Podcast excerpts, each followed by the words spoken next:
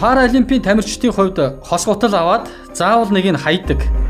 Харин Adidas компани та бол энгийн хүн. Бусдаас өөр биш гэсэн агуулга бүхий маркетингийн компанид ажил явуулсан. Тэдэнд зориулж нэг хөлний хоёр гутлыг үйлдвэрлэж эхэлсэн нь маш олон хүнд итгэл найдвар өгч олон нийтийн талархлыг хүлээн брендийнхээ үн цэнийг өсгөж чадсан юм. Сайн маркетинг гэдэг хизээч санамсаргүй хийгддэг зүйл биш. Маркетингийн удирдлага За сонсогч та бүхэндээ энэ өдрийн төргий бизнес радио 98.9 Монголын маркетингийн холбоотой хамтран сонсогч та бүхэнд хүргэж байгаа маркетингийн удирдлага нэвтрүүлгийн маань ээлж дугаар та бүхэнд хүрч байна. За өнөөдөр студид хүрэлцэн ирсэн зочдтой танилцуулъя. За зочин хөтлөгчөөр контент маркетинг компани захирал Гэрэл дод хамтран ажиллаж байгаа. Зарим өнөөдрийн нэвтрүүлгийн маань зочноор бол Германы технологийн их сургуулийн communication media чиглэлээр төгссөн мэдээлэл харилцааны мэрэгжилтэн тунгалаг туяа өргөдөн оролцож байгаа маа. Тэгэхээр өнөөдөр бидний гол ярилцах байгаа сэдв бол дотоод PR-ын талаар төлхөө ярилцсанаа. Тэгэхээр PR-ыг бол дотор нь дотоод гадаад гэж ангилаад байгаа. За ялангуяа дотоод PR бол байгууллагуудад хамгийн чухал байна гэж байгаа. Тэгэхээр Монгол компаниуд ер нь дотоод PR-та хэр их анхаарч байна. Тийм. Тэгэхээр одоо яг Монголын байгууллагуудын нэг одоо ажиглагдаад байгаа нэг дутагдал нь ч гэх юм уу те хэлэх юм бол ерөнхийдөө дандаа гадаад харилцаан дээр л анхаарат байдаг. Тэгэхээр яг байгууллагын дотоод харилцаа нь бол бас яг тэр PR хийх яг үндэс суурин байдаг. Яг тэгэхээр тэр ажилчид ч өөрсдөө байгууллагыг бүрдүүлж байгаа гол хүчин зүйлүүд те. Тэгэхээр тэд нар байгууллага өөрсдөө хэр сайн мэдж гин, байгууллагынхаа мэдээллийг яаж авж гин гэдгээсээ болоод тэр байгууллагын өөрийнх нь мөн чанар нь тодорхойлогдоод байдаг. Тэгэхээр одоо гадны байгууллагуудыг харж байхад бол харилцааны хэсэг нь гадаа дотоод гэд хоёр хилцтэй. Дотоод хилцс нь болохоор дотроо интранет гэдэг юм юмтай ч юм уу эсвэл сэтгүүл ч юм уу те вебсайт ч юм уу тэгээд яг тэр байгууллагуудаа тэр дотоод мэдээлэлээ илүү их нөгөө өгч идэг. Тэгэхээр тэд нар нь байгууллагынхаа талаар илүү их мэдээлэлтэй байх тусмаа байгууллага гадагшаа төлөвлөх нь бол илүү идэг дотоод гадаад гэдэг чинь албатай байдаг гэж байна. Тэгэхээр энэ байгууллагын хэмжээнээс шалтгаалсан бүтцийн загварч гэдэг юм уу тийм юм байдгүй. Том групп компаниуд бол одоо ингээд нөгөө ерөнхий нөгөө дээрээс хардаг юм ингээд алдагдцсан байгаа шүү дээ. Тэгэхээр тэд нар ч юм болохоор яг тийм хилтэстэй. Тэгээд тэр хилцээрээ дамжуулаад мэдээлэл нь дээрээс доошоо биш яг хэвтэй байдлаар тэр мэдээж тэр хилцэн болохоор удирдлагатайгаа тэр харилцааныхаа бүх юмыг ингээд тодорхой болцсон байгаа учраас тэр харилцааны хилцэн одоо байгууллагынхаа бүх алба нэгжүүд рүү явуулж гин гэсэн үг тийм. Аа жижигхэн байгууллагын хувьд болохоор удирдлага нь яг тэр PR-ийнхаа бодлогыг өөрөө хариуцж исэн дээр гэсэн үг. Тэгэхээр ерөнхийдөө тэр мэдээллийн урсгал нь дээрээс доошоо биш ер нь хөвтэй байдлаар явсан тохиолдолд хүмүүст бол илүү хүрдэг. Яагаад гэвэл нэг захирал нь альдныхаа даргад хэлээл альдныхаа дарга нь ажилчтай хэлэхэд тэр дунд бол мэдээлэл алдагдах ч юм уу эсвэл өөрийнхөө ойлгосноор ч юм уу тэгээ тараагдах тийм магадлалтай а тхийн оронд а яг тэр харилцааныхаа одоо жижигхэн байгууллага бол хүн гэж байж болно шүү дээ. Одоо тэрийг яг хариуцсан хүн.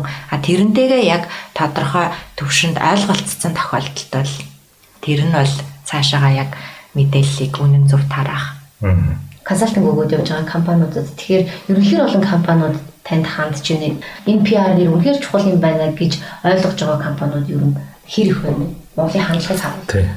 Тийм байгууллагууд болохоор одоо зөвхөн бид нар бүтээгдэхүүнээ сурталчлаад бол ашиг авахгүй юм байна. Ер нь бол бид нар харилцаандаа илүү анхаарч ээж те нэр хүн маань өсөх юм байна гэдгийг бол нэлээд ойлгодог болсон. Тийм болохоор харилцааны хилтэс байгуулах одоо PR-ын сургалтууд авах те тийм хандлагууд бол нэлээд бол ажиглагдчихж байгаа. Ер нь бол сургалтаа ч юм уу консалтинга яаж өгдөг вэ гэхлээр эхлээд удирдлагатай нь ойлголцох нь бол илүү чухал байдаг. А дараа нь бол тэр харилцааны хүмүүстэй нь бол ойлголцох нь чухал. Хоёр төвшөнд явуулахгүй бол эхлээд харилцааны ч юм уу те одоо тэр PR хариуцсан хүнтэй хичнээн яриад яриад удирдлага нь тэрийг бол ойлгохгүй бол байгууллага бол угаасаа ямар ч амжилтгүй болж байгаа. Тэгэхээр эхлээд бол удирдлагт нь харилцаа гэдэг бол өөрөө яг ямар ач холбогдолтой мэдээллийг бол яаж өгөх ёстой гэдэг тэр сургалтуудыг бол төлхөө өгдөг гэсэн үг. Монголын одоо компаниудын PR сайтай компани гэвэл ямар компаниудыг хэлж болох вэ? Надад бол MCS жишээлбэл PR та бол нэлээд сайн юм шиг санагддаг. Ер нь бол хүмүүс одоо тэр байгууллагын талаар мэдээлэл авахын тулд ажилчдаас нь л асуудаг штэ. Чи тэр компанид ажиллаж исэн ер нь бол ямар шүү ингээд. Тэгэхээр тэр байгууллага нь өөрөө ажилтныгаа зөвхөн би MCS-д ажилладаг гэдгээрээ тэр бахархлыг төрүүлж чадчихсан тохиолдолд тэр байгууллага бол нэлээд сайн PR-тай гэж хэлж байгаа байхгүй. Тэгэхээр ажилчтай хандсан үйл ажиллагаанууд бол нэлээд их явуулдаг ч юм уу те. Одоо үзүр үйлчилгээ хөнгөлөлтөд үзүүлдэг эсвэл одоо тэр байгууллага өөрийнх нь ажилтан гэдгийг бол бүрэн суулгаж чадсан. Тийм үйлчилгээ үзүүлснээрээ тэр PR-ыг бол нэлээд сайн хийсэн гэж бодож байна. Тийм. Ер нь бол PR миний бодлоор бол ер нь дотоодоос л эхлэх нь зөв юм шиг санагддаг. Одоо жишээлбэл Германд нэг байгууллагад би ажиллаж байхад нэлээд том компани байжгаад нэг жижигхэн компанийг одоо худалдах тийм мэдээлэл гадагшаа цацгах гэж байгаа байхгүй. Тэр мэдээллийг мэдээч тэр бол байгуулгын төвшөнд бол нэлээд нууцлалтай мэдээлэл. Тэгсэн мөртлөө тэрийг бол яг хэвлийн баг хурал зарлаад сэтгүүлчдэд тэр мэдээлэлээ цацгаж байгаа. А тэгтээ тэрнээс өмнө бол ажилчид мэдэх ёстой. Тэд нар бол яг хийхдээ яасан гэхлээр тэр өдрийнхөө ажилчдынхаа яг цуглаад хоол иддэг штэ. Тэрэн дээрээ бүх ажилчдаа цуглуулад бид нар одоо өнөө орой тэдэн цагаас тийм мэдээлэл хийх гэж байна гэдгээ цацаад тэгэн гудаа тэр орой тэр ивэнтэ хийгээд тэр мэдээлэлээ гадагшаа цацж байгаа байхгүй. Тэгэхээр тэр байгууллагын ажилтан одоо машин дотроо FM-ээ сонсоод явж байхдаа тэр байгууллагын талаар гарч байгаа шин мэдээллийг төрүүлээд мэдчихсэн баг те олон нийтээс төрүүлээд мэдчихсэн баг. Тэр нь байгууллагын ажилтнанд өөрсдөд нь айгуу гой санагдд юм байна л да. Би энэ байгууллагын мэдээллийг бол илүү мэдж байна гэд. Тэрэн шиг одоо харж байхад муу мэдээллүүдээ ч гэсэн ажилчтаасаа нуух уу илүү өгч идэг.